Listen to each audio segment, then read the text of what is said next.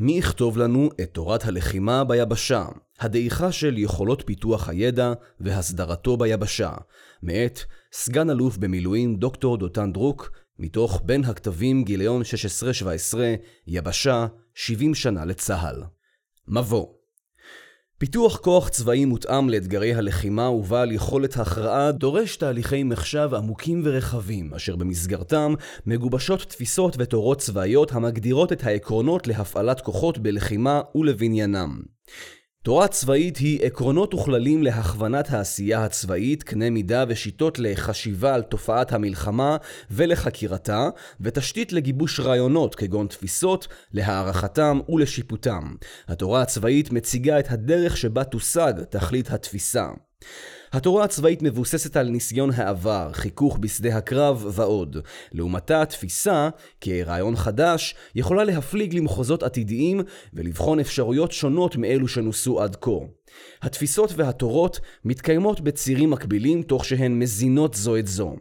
בסוף הצירים מתורגמת תפיסה שנבחרת למימוש לתורה צבאית עדכנית. מכאן שלצורך הגדרת הרעיון המרכזי להתמודדות עם אתגר מסוים ופיתוח תורות צבאיות מתאימות, נדרשים תהליכי מחשב עמוקים ומקיפים. היכולת לפתח תורות צבאיות היא הבסיס לעבודת בניין הכוח הצבאי. תורת הלחימה היא אבן הראשה של שאר תחומי בניין הכוח, היא המכווינה את פעולותיהם, והיא גם ניזונה מהם ומתעדכנת באופן באופן מתאים. דחיפות השינויים בסביבה מבצעית שבה פועל צה"ל ועשוי לפעול, אופי הארגון, ההצטיידות ופעולת האויב, ולאור ההתפתחות הטכנולוגית חלים בקצב מהיר, ויש בהם גם בכדי להשפיע על האופן שבו יופעלו כוחות היבשה בלחימה. לפיכך נדרש גוף מקצועי ויעיל שיוכל לפתח תורת לחימה מתאימה ובעיתוי הנדרש. יכולת זו היא שתאפשר לצה"ל, בין השאר, לבנות את כוחות היבשה ולהתאימם לשינויים בקצב גבוה מזה של האויב.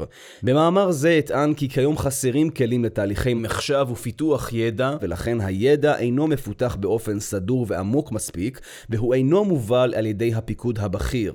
במאמר אציג טענה זו דרך סקירת הטלטלות שעברו גופי תורת הלחימה בזרוע היבשה ובמפקדה הכללית של צה"ל. הביצוע החסר של תהליכי מחשב אלה עלולים להביא, ואף הביאו פעמים רבות, לבניין כוח שאינו מותאם לאתגרים העומדים עומדים בפני צה"ל, ואף לכך שאתגרים אלה לא מבוררים ומוגדרים כנדרש. לכן נדרש לחזק את גופי פיתוח הידע ההמונים כגורמי מטה מקצועיים על פיתוח התורות הצבאיות הן בכוח אדם מתאים, הן בבכירות העומדים בראשם, והן במיקומם במפקדות. רצוי להתייצב למלחמה הבאה עם תורת לחימה מתאימה להפעלת כוחות היבשה, כך שאלה יוכלו, בנוסף למרכיבים אחרים כמו רוח לחימה ומנהיגות, לנצח במלחמה. תורת הלחימה בימי ההקמה עם ייסוד צה"ל נכתבה תורת הלחימה שהייתה הבסיס המקצועי להקמתו, תוך כדי לחימה.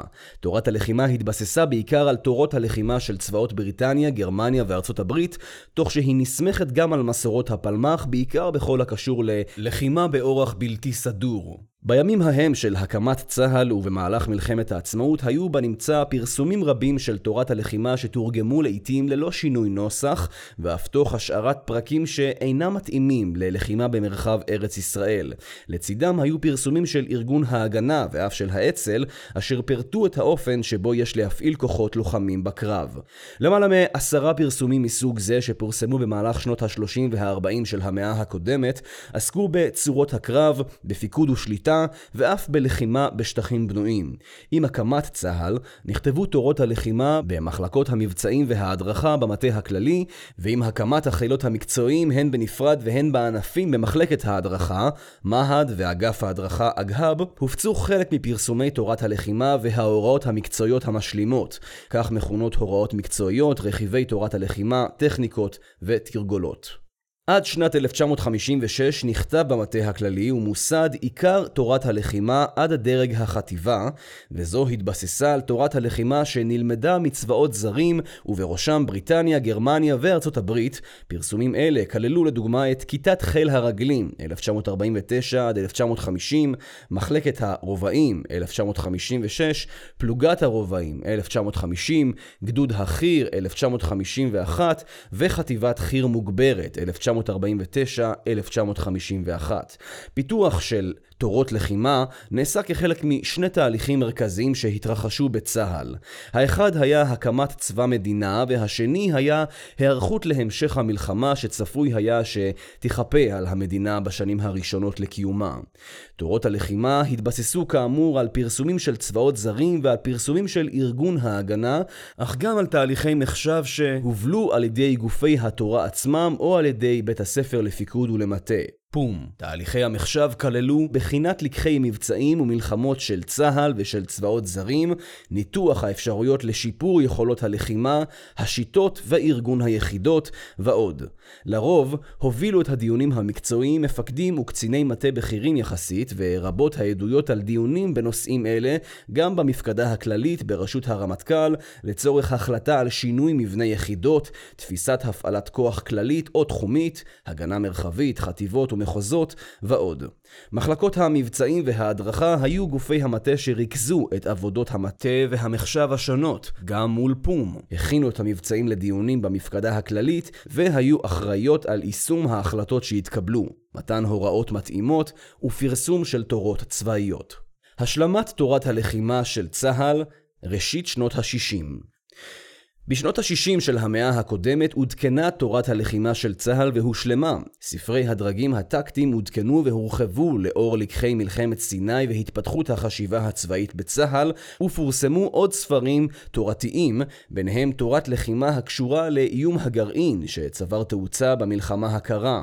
התורות הצבאיות פורסמו לאחר שנעשתה עבודת מטה ומחשב מקצועי, באשר לעדכונים שנדרשו בספרות הקיימת, לאור לקחי מלחמת סיני והמ... המבצעים לפניה ולאחריה, הערכת התפתחות האויב ושיטות הלחימה שלו, היכרות מעמיקה עם תהליכים דומים בצבאות זרים, ברית המועצות, ארצות הברית ומדינות אירופה המערבית.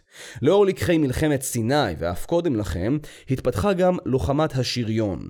הדבר חייב התאמת התורות הצבאיות לתפיסת לחימה זו. בצוותי הפיתוח של תורות צבאיות אלה, היו חברים קצינים בכירים ממפקדי מלחמת סיני בהובלת מחלקת ההדרכה, מה"ד.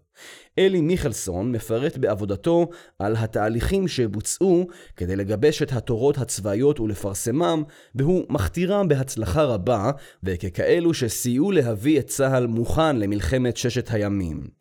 בשנים 1963-1964 פורסמו שני ספרי תורת הקרב, אשר היוו עד שנת 2010 את תורות הלחימה הבסיסיות של צה"ל, ואשר העקרונות הרשומים בהם נכונים גם כיום. באותם השנים פורסם גם ספר יסוד בנושא ההדרכה בשם ההדרכה בצבא. את מלאכת כתיבת ספרות תורת הלחימה עשו הקצינים במחלקת ההדרכה ובחילות המקצועיים, בין שהוגדרו כך או שהיו כך בפועל. אמנם ניתן להבחין באי התאמות מסוימות בין הפרסומים השונים, אך נראה כי העקרונות, הכללים בסדר הופעת הציוויים להפעלת הכוח הרשומים בספרים היו זהים ברובם. אי התאמות אלה נבעו מכתיבה של מספר כותבים אפילו בתוך פרסום אחד. השימוש במספר כותבים נדרש כדי לעמוד בקצב הכתיבה והעדכון ובדרישות המקצועיות לכתיבה. המסד התורתי שהוצב עד פרוץ מלחמת ששת הימים שימש ברובו את צה"ל עד תחילת שנות. האלפיים. מסד ידע תורתי זה שימש את הכוחות במלחמת ששת הימים, במלחמת ההתשה, במלחמת יום הכיפורים, במלחמת לבנון הראשונה ואף בתחילת אינתיפאדת אל-אקצא, אירועי גאות ושפל. למרות הכתוב בדוח אגרנט על תורת הלחימה, עיון מדוקדק בדוח, ובעיקר בפרק העוסק בתורת הלחימה, לא מצביע על היעדר תורת לחימה ואף לא על חוסר התאמתה. הדוח מצביע על אי היכרות של המפקדים עם תורת הלחימה הקיימת ועל אי יישומה מול המציאות של המלחמה. על כך העידו בפני ועדת אגרנט מבחינת אלופים טל וגורודיש. ציטוט: מה שקרה ביום כיפור, בייחוד בשלושת הימים הראשונים, זה לא שצה"ל היה עם תורות לא נכונות. הבעיה הייתה שלא ביצענו את התורות של עצמנו. כל תורת הלחימה שלנו לא נכשלה, היא לא בוצעה. לא עשו מה שנלמד. פשוט. סוף ציטוט. משבר מלחמת יום כיפור, ללא עדכון בתורת הלחימה. לאחר מלחמת יום הכיפורים לא עודכנה תורת הלחימה, אלא נכתבו הוראות מקצועיות משלימות רבות, כונו מזכר טול, שהיה בהן מידע שנועד להשלים את תורת הלחימה בנושא מסוים, ובעיקר לתמוך את ההכנסה לשימוש של אמצעי לחימה חדש, לדוגמה, הניתוב והסימון המבצעי. ספר הטול, היבשתי הרב-חילי היחיד שנכתב לאחר מלחמת יום הכיפורים, היה לוחמה בשטח בנוי, 1975, שהיה לקח מהקרב בסואץ. עם זאת, יש לומר כי בספרי תורת הקרב הייתה התייחסות ללחימה בשטח הבנוי, ואף ניתן למצוא ספר דומה שפורסם על ידי לשכת ההדרכה בארגון ההגנה בינואר 1948, ואחר כך בצה"ל בשנת 1951. אך ככל הנראה הלקח מקרב סואץ וההבנה כי לא ניתן יהיה במלחמות העתיד להימנע מהלחימה בתוך הערים, הביאו לכתיבת ספר זה, שאינו אלא עדכון של הספרים המוקדמים שהוזכרו לעיל. בחיל השריון נערכה עבודה נרחבת לעדכון תורת הלחימה לאחר מלחמת יום הכיפורים, ופורסמו ספרי הפלוגה, הגדוד ולחימת שריון בשטח הררי. מטרתם הייתה לנסות ולמקד את העקרונות ואת כללי היסוד הרשומים בתורת הקרב, 1963 ו-1964, ובלוחמת שריון ב-1965, לאופן הפעלת יחידות שריון בלחימה. כל אלה ביטאו את יישום לקחי הפעלת השריון בקרבות, ובמידה רבה, הם הביאו את חיל השריון עם תורת לחימה עדכנית למלחמת לבנון הראשונה.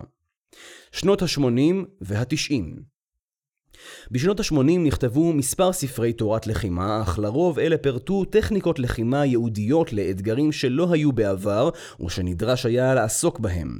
לדוגמה, מבצעי נחיתה מהים, 1982, שפורסם לקראת מלחמת לבנון הראשונה, כיבוש תל מבוצר, 1989, כיבוש יעד רקם, 1985, הפריצה בקרב האבקה, 1988. יש לציין כי לחלק מהפרסומים הללו קדמו פרסומים קצרים קצרים או טכניקות קרביות במסגרת פרסום מזכרי הטול. בחיל השריון נחתמו רוב תורות הלחימה החיליות ערב מלחמת לבנון הראשונה. תורות הלחימה שנכתבו עבור גדוד השריון, הפלוגה, המחלקה, צוות הטנק וכן טכניקות לחימה ייעודיות, לחימת שריון בשטח הררי וכדומה, היוו את תורת הלחימה התקפה בחיל עד לסוף העשור הראשון של המאה ה-21. ספרים אלה נסמכו על תהליך הפקת לקחים ממלחמת יום הכיפורים, הן מהתמודדות עם חוליות טילי נ"ט והן מהתמודדות עם כוחות משוריינים מצוינים של האויב, בעיקר בכל הקשור לקרבות של גדודים וחטיבות ובתרגולות ובטכניקות של לוחמת לילה. למעט פרסומים תורתיים בודדים במהלך סוף שנות התשעים, לחימה במתאר רווי נ"ט, טיוטה 1999 ועד מלחמת לבנון השנייה, לא התקיים מאמץ פיתוח ידע תורתי נרחב בחיל השריון, ואם נעשו פעולות בנושא, הרי שהן לא הובאו לכדי פרסומים רשמיים. באמצע שנות התשעים נערכה עבודה נרחבת בחיל הרגלים המרגלים, ונעשה אישור קו בתחום תורת הלחימה וההוראות המקצועיות המשלימות. גיורא איילנד, קחצר דאז, וגבע ראפ, ראש מחלקת תורת החי"ר והצנחנים, הובילו את העבודה. במסגרת העבודה פורסמו כלל ספרי תורת הלחימה של חיל הרגלים באופן שהם מהווים, גם כיום, למרות שהותקנו מאז, את הבסיס המקצועי להפעלת כוחות רגליים בלחימה. חיל הרגלים ביצע מהלך דומה שכונה מתן תורה בשנים בשנים 2008 ו-2013. המאה ה-21 אם נסכם את מצב תורת הלחימה בתחילת שנות האלפיים, הרי שהתורה הבסיסית העוסקת בהפעלת כוחות היבשה במלחמה הייתה תורת הקרב מאמצע שנות ה-60. את תורת הקרב השלימו תורות לחימה חיליות ויבשתיות, המפח"ש שקם באותה העת, שהיו בעיקרן פיתוח מסוים של הספרים משנות ה-60. ספרות תורת הלחימה של החילות המקצועיים הייתה קיימת, בחלקה היא לא הייתה מעודכנת במידה מספקת, אך בסיסה היה טוב ואפשר למפקדים לעשות בה שימוש מתאים ברמת הגדוד ומטה. הלחימה בסוף שנות התשעים, בעיקר מפרוץ אירועי גאות ושפל, הביאה לצורך בפיתוח של תורת לחימה מותאמת שתאפשר למפקדים ליישם את העקרונות הרשומים עבור מלחמה בתורת הקרב לעימות מוגבל, כפי שכונה באותה העת.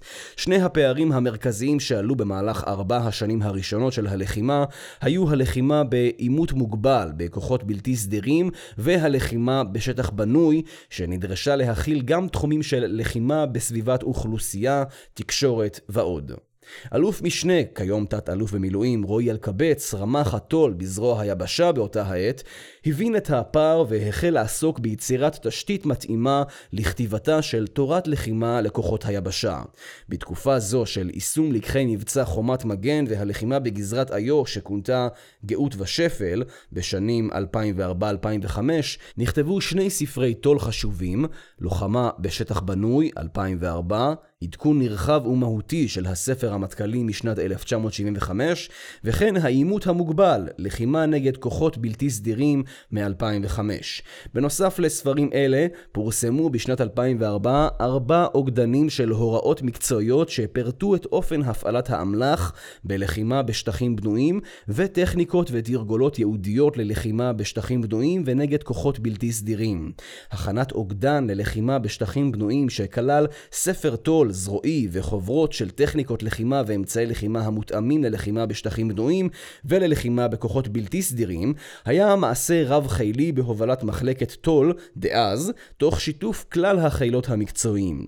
ספר הטול נכתב על בסיס הלקחים מהלחימה בשטחים בנויים ברצועת עזה, יהודה ושומרון, ואלה נוספו לתשתית הידע שהייתה ביבשה עד אותה העת. הלמידה המבצעית ביחידות והלמידה במערכת המוסדית במהלך ארבע שנות הלחימה 2000-2004 הייתה לרוב סדורה, והיא הובלה על ידי מפקדים וקציני מטה בכירים. כך, ראש חטיבת תוהם, תורה, הדרכה ואימונים, בזרוע היבשה, קצין בדרגת תת-אלוף, ערך מופעי למידה מקצועיים שבהם הוצגו הלקחים מגזרות הלחימה והוחלט על אופן הטיפול בהם. חלק מתוצרי הלמידה הוטמע בפרסומי תורת הלחימה והטכניקות הקרביות במסגרת האוגדן שפורסם בשנת 2004. בדומה לכך, ערך גם מפקד זרוע היבשה דאז, יפתח רון טל, דיוני למידה כדי לשפר את כשירות ומוכנות כוחות היבשה תוך כדי הלחימה, 2000 עד 2004. במהלך מלחמת לבנון השנייה שימשו קציני מחלקת טול גוף התחקור והלמידה תוך כדי לחימה של זרוע היבשה.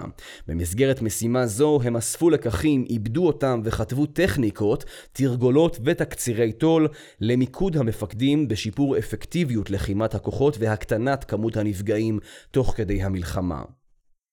לאחר מלחמת לבנון השנייה לאחר מלחמת לבנון השנייה נכנס לתפקיד רמ"ח הטול הזרועי אלוף משנה, כיום תת-אלוף במילואים, אורן אבמן, והמחלקה הובילה את תחקור המלחמה ובהצגת לקחי כוחות היבשה לפורום המטה הכללי. את התחקיר המרכזי של היבשה הוביל רמ"ח טול, דוח תחקיר הקרב המשולב ביבשה, דצמבר 2006. לאחר מכן נמשך העיסוק בפיתוח תורות הלחימה עבור כוחות היבשה. בתנופה המחודשת בתקופה זו נכתבו ועודכנו ספרי הטול, לוחמה בשטח הררי 2007, לחימה במתאר רווי נ"ט ומוגבל תמרון 2007, שהותאם במיוחד ללקחי המלחמה כהשלמה לתורת הקרב ולאור הבנת החזית הסורית. будет. הגנת גבולות וקווים ביטחוניים 2007, לחימה במתחם הכפרי בלבנון 2008, כיבוש תל מבוצר 2008 וכיבוש יעד רקם 2011.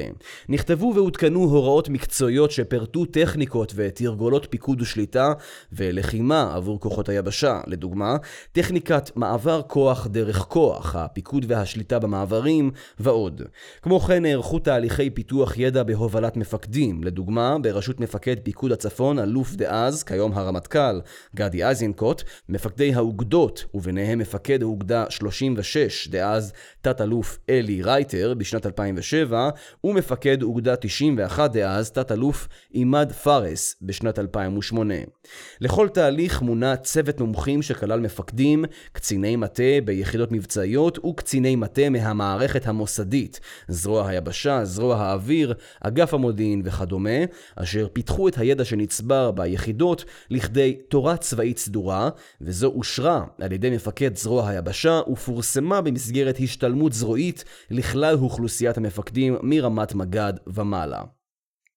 ההובלה של תהליך פיתוח הידע ולאחר מכן הנחלתו במסגרת השתלמות מקצועית שנעשתה על ידי מפקדי הפיקודים המרחביים ומפקדי האוגדות הייתה יעילה מאוד. מחלקת הטול של זרוע היבשה נטלה תפקיד מועיל בשותפות בתהליך ובתרגום הידע המפותח לכדי מסגרת של תורה צבאית מוסדית. תקופת אלוף משנה, כיום תת-אלוף במילואים מאיר פינקל, עמדה בסימן תנופה משמעותית לתורת הלחימה ולתפיסות עבור כוחות היבשה. בתקופתו של מאיר הושלמו, עודכנו באופן נרחב ונכתבו ספרי התו"ל האלה. מבצעי כוחות היבשה א'-ג' 2010 ועודכנו ב-2012, שהחליפו את תורת הקרב משנת 1963-1964, צוות הקרב החטיבתי 2011, האוגדה 2013, הגיס 2013, הסיוע ההנדסי במבצעי כוחות היבשה 2013 ועוד. כמו כן נכתבו הוראות מקצועיות רבות, בעיקר בנושאי הפעלת כוחות האוויר במבצעי כוחות היבשה, ועדכון הוראות בנושא הפיקוד והשליטה, בעיקר בכל הקשור למערכות השוב. ניתן לומר שתקופת כהונתו של פינקל, 2008-2013, דמתה לתקופה שבה נעשה אישור קו בתחום הטול במחצית הראשונה של שנות ה-60, ופורסמו כלל תורות הלחימה של היבשה. גם בחילות המקצועיים התקיימו תהליכי פיתוח ידע והסדרה של התורות הצבאיות. ניתן לזקוף זאת לזכות הלמידה והפקת הלקחים ממלחמת לבנון השנייה, בעיקר בכל הקשור ללוחמת היבשה. בחיל השריון החל תהליך פיתוח ידע שהובל על ידי החטיבות הסדירות, בעיקר 188 ו-7, אשר הביא לכתיבת טכניקות קרביות שהיו אמורות לאפשר התמודדות טובה יותר של הטנקים עם מאפייני הלחימה בחזיתות סוריה ולבנון. לבנון. בנוסף, מחלקת תורת חיל השריון עדכנה וכתבה מחדש את ספרות המחלקה והפלוגה, וכן טכניקות והוראות מקצועיות להפעלת אמצעי הלחימה המיוחדים בחיל. תנופה נוספת נעשתה בחיל השריון החל משנת 2013 עם הכניסה לתהליך של פיתוח ידע לפיתוח תפיסה להפעלת גדוד השריון. צק"ג עוז תהליך פיתוח ידע זה הובל על ידי קשנר וחטיבה 188 כיחידה המתנסה בשטח, ושותפו בו נציגים מגופי הטול האחרים בזרוע היבשה, ממחלקת האמל"ח, מהזרועות ומאגפי המטכ"ל המתאימים. תהליך פיתוח הידע הסתיים בכך שגדוד השריון אורגן בצורה שונה, הן במסגרות המשנה שלו, והן במפקדת הגדוד, ובכך הותאם למאפייני שדה הקרב העכשווי. בחיל הרגלים נערכו עדכונים נרחבים של תורת הלחימה שבסמכות קחצר בשנת 2008 בימיו של קחצר דאז, תת-אלוף, כיום אלוף, יוסי בכר. בטכניקות הקרביות החיליות הוטמעו לקחי מלחמת לבנון השנייה, בעיקר בכל הקשור ללחימה בשטחים סבוכים ומבוצרים. בכך יש להדגיש את תהליך פיתוח הידע שכלל ניסויים והתנסויות רבות שבהם היו שותפים מזרועות ומאגפי המטכ"ל, יחידות נבחרות ורגילות. רגילות, אגוז, מגלן, גצ"רים וגדודים רגילים בחטיבות החי"ר הסדירות, וכן יחידות מיוחדות, ופרסום טכניקה קרבית להתמודדות עם שטח סבוך מבוצר, כונה שמורת טבע בזמנו. בשנת 2013, בימי איתי וירוב, קחצר דאז, התקיים תהליך עדכון נרחב של התורה הצבאית החילית, בדגש על התורה התחומית, דרגים, ספרות המחלקה לסוגיה, פלוגת החי"ר והצק"פ, הפלוגה המסייעת והגדוד, וההוראות המקצועיות להפעלת אמל"ח שבסמכות חיל הרגלים. בעקבות אישור מבנה מפקדת הגדוד החדשה כחלק מאישור צק"ג עוז של חיל השריון, נפתחה גם בחיל הרגלים עבודת מטה לארגון מפקדת גדוד האחיר בתצורותיו השונות, רגלי, מנוגמש על בסיס נגמש M113 ועל בסיס אכזרית ונמר.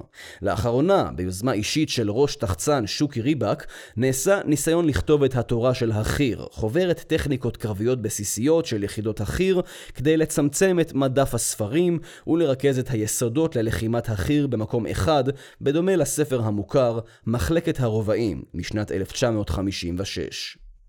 קיצוץ, מיזוג ומעבר לענף תורת לחימה. בקיץ 2013 אוחדה מחלקת הטול והתפיסות עם מחלקת ההדרכה. איחוד זה השפיע על הקשב של המחלקה, ובעיקר של העומדים בראשה לתורת הלחימה.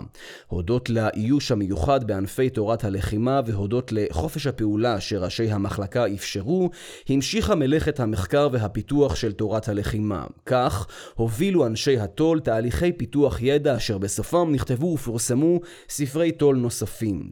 תכנון וניהול מבצעים לתיאור המרחב, 2015, טכניקות ללחימה במתחם הכפרי בלבנון 2013, לחימה בשטחים סגורים 2014, הפיקוד והשליטה במבצעי כוחות היבשה 2016 ועוד.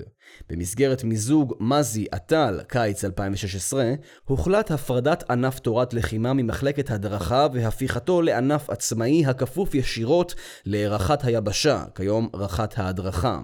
כך הופחתה היכולת של אחד מחמשת תחומי בניין הכוח הצבאי להוות את אבן הראשה של בניין כוחות היבשה. בעוד ששאר תחומי בניין הכוח האמורים להיות מוכוונים באמצעות הטול והתפיסות חוזקו, במיוחד אלה העוסקים במשאבים כוח האדם, אימונים, גרף ומשאבי אימון, אמצעי לחימה וסיוע ללחימה, בארגון כוחות היבשה, ואחד מהם עוסק בשיטות ההכשרה, ההדרכה והאימון, החלק המתודולוגי של תחום בניין הכוח. אימונים. למרות הקיצוץ בתחום הטול במפקדת זרוע היבשה, הצליח ענף טול לעדכן את ספרות הטול שנדרשה לאור לקחים שנלמדו ממערכת צוק איתן, מהשתנות האויב ומפרסום של תורות והוראות משלימות בדרג המטכ"ל, כגון החטיבה וצוות הקרב החטיבתי 2017, לוחמה בשטח בנוי 2017, לוחמה בשטח הררי 2017, לוחמה בשטח מדברי 2017, הגנת גבול גבולות וקווים ביטחוניים ביבשה 2017 ועוד. ולפתח סוג חדש של מסמכים תורתיים שכונו לוחמות וטכניקות מותאמות חזית, שהן הדרך לבטא את הנחיית מפקד פיקוד מרחבי באשר לאופן שבו נדרשים כוחות לתכנן ולנהל מבצעי לחימה בחזית שתחת אחריותו. הישגים אלה של הענף הושגו הודות לאיכות כוח האדם שהייתה בו באותה העת, שנסמכה על קצינים בעלי ותק רב בתחום הטול, ואינם מהווים מדד לבחינה של גוף צבאי אשר אין אין הדבר מעוגן בפקודת הארגון שלו.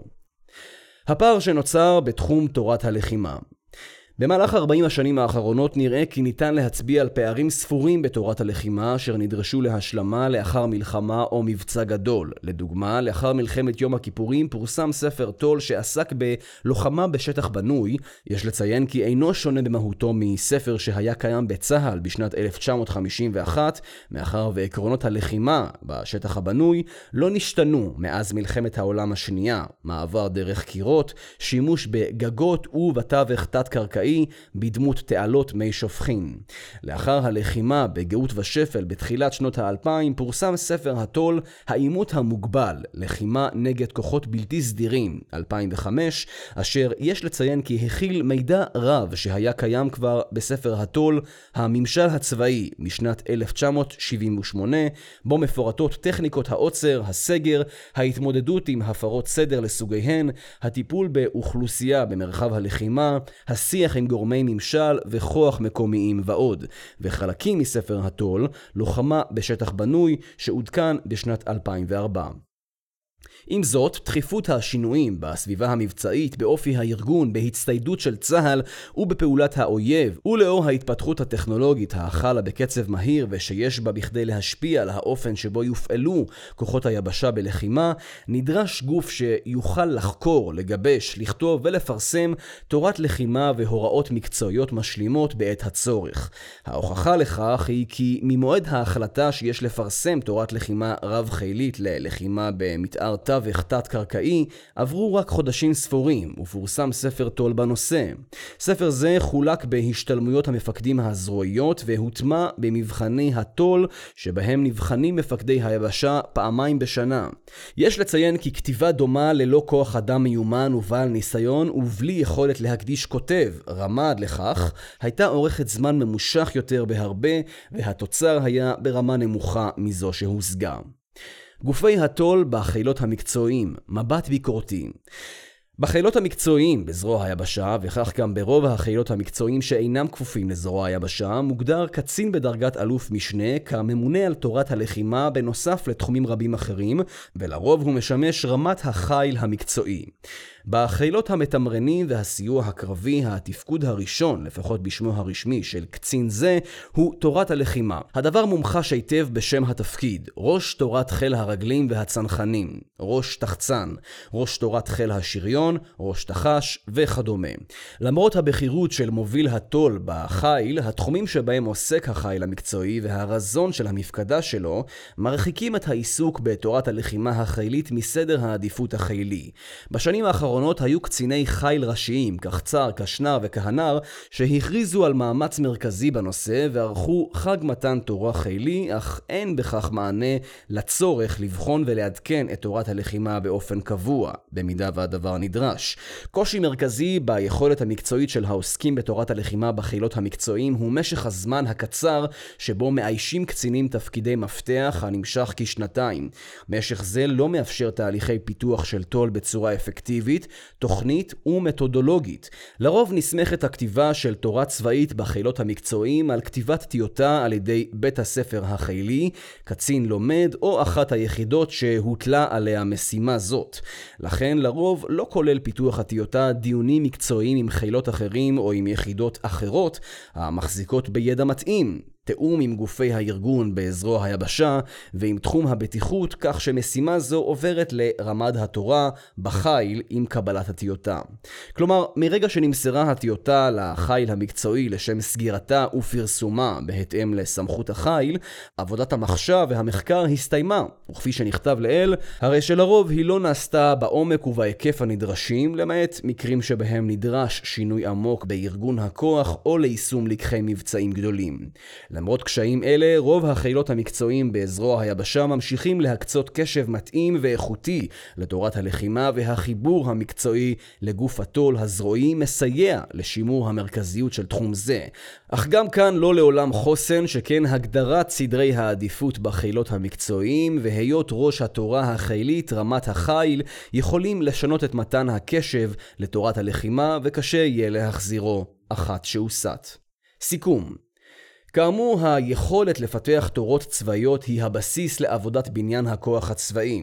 תורת הלחימה היא אבן הראשה של שאר תחומי בניין הכוח, היא המכווינה את פעולותיהם והיא גם ניזונה מהם ומתעדכנת באופן מתאים. דחיפות השינויים בסביבה מבצעית שבה פועל צה"ל ושבה הוא עשוי לפעול, באופי הארגון, ההצטיידות ופעולת האויב, ולא ההתפתחות הטכנולוגית החלה בקצב מהיר ושיש בה בכדי להשפיע על האופן שבו יופעלו כוחות היבשה בלחימה. בהתאם לכך נדרש גוף שיוכל לפתח תורת לחימה מתאימה ובעיתוי הנדרש. יכולת זו היא שתאפשר לצה"ל, בין השאר, לבנות את כוחות היבשה בקצב גבוה מזה של האויב. נכון יהיה לגשת למלחמה עם תורת לחימה מתאימה שהכווינה את שאר תחומי בניין הכוח של כוחות היבשה, כך שאלה יוכלו, בנוסף למרכיבים אחרים כמו רוח לחימה ומנהיגות, לנצח במלחמה. מיזוג מזי והטל לא הביא לחיזוק תחום התורות הצבאיות, אלא להחלשתו, על ידי הנמכת דרג הפיקוד על תחום זה, מאלוף משנה לסגן אלוף. למרות שרבים טענו כי הפגיעה נעשתה כבר בעת איחוד מחלקת התפיסות והתורות עם מחלקת ההדרכה בשנת 2013, הרי שבעקבות המיזוג ורידוד הגוף העוסק בכך, הגיעה שעתה הקשה ביותר של התורה הצבאית בזרוע היבשה מאז הקמת המפח"ש. זו עשויה לפגוע בעוצמת כוחות היבשה ובאפקטיביות המבצעית שלהם, דוגמה לכך היא היעדר תחום התורה הצבאית הזרועית, לפחות במתכונת סדורה משולחן מקבלי ההחלטות במפקדת זרוע היבשה. זרוע היבשה צריכה להקים לעצמה גופי תפיסות ותורה צבאית המסוגלים לפתח תפיסות ותורות צבאיות עבור לוחמת היבשה.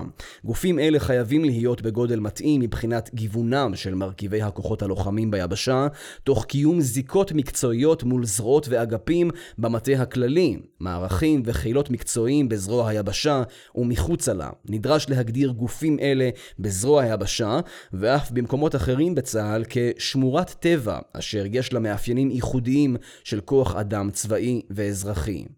היכולת לפתח תורת לחימה המותאמת לאתגרי הלחימה העכשוויים, תוך צפיית אתגרי הלחימה העתידיים, וקיום הגמישות והזריזות במתן מענה לאתגרים מתפתחים טמונה בקיום של גוף מתאים מבחינת גודלו, בחירות העומד בראשו ואופיים של המשרתים בו, מקצועיים בתחומם ובלוחמת היבשה המשולבת והמשותפת, בעלי גמישות מחשבתית והמבצעים תפקידים לאורך זמן. התפיסות ותורת הלחימה הן אבן הראשה של בניין הכוח הצבאי, ונכון שיעוצבו כנדרש בזרוע היבשה ובצה"ל בכלל.